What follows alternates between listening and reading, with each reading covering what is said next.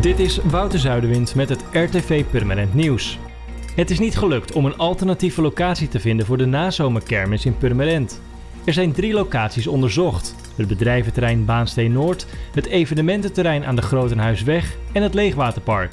Na aanleiding van het onderzoek heeft het college van burgemeesters en wethouders in Purmerend besloten dat de najaarskermis definitief niet doorgaat. De kermis stond gepland van 7 tot 11 oktober. GGD Zaanstreek Waterland verhuist binnenkort de Corona-drive in Purmerend naar een andere locatie.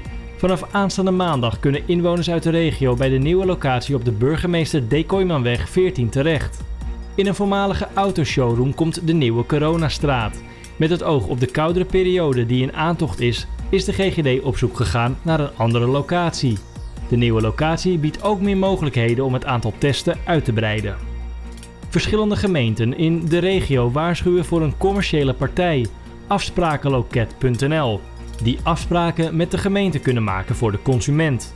De gemeenten werken niet samen met deze website en adviseren dan ook iedereen om deze site niet te gebruiken.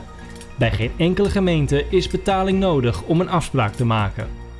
En Richard Jacobs heeft de tweede plaats behaald tijdens het NK karting. De 13-jarige karter uit Purmerend toonde op de kartbaan van Venray zijn kwaliteiten tijdens het Nederlands kampioenschap viertakt in de klasse 12 tot 15 jaar.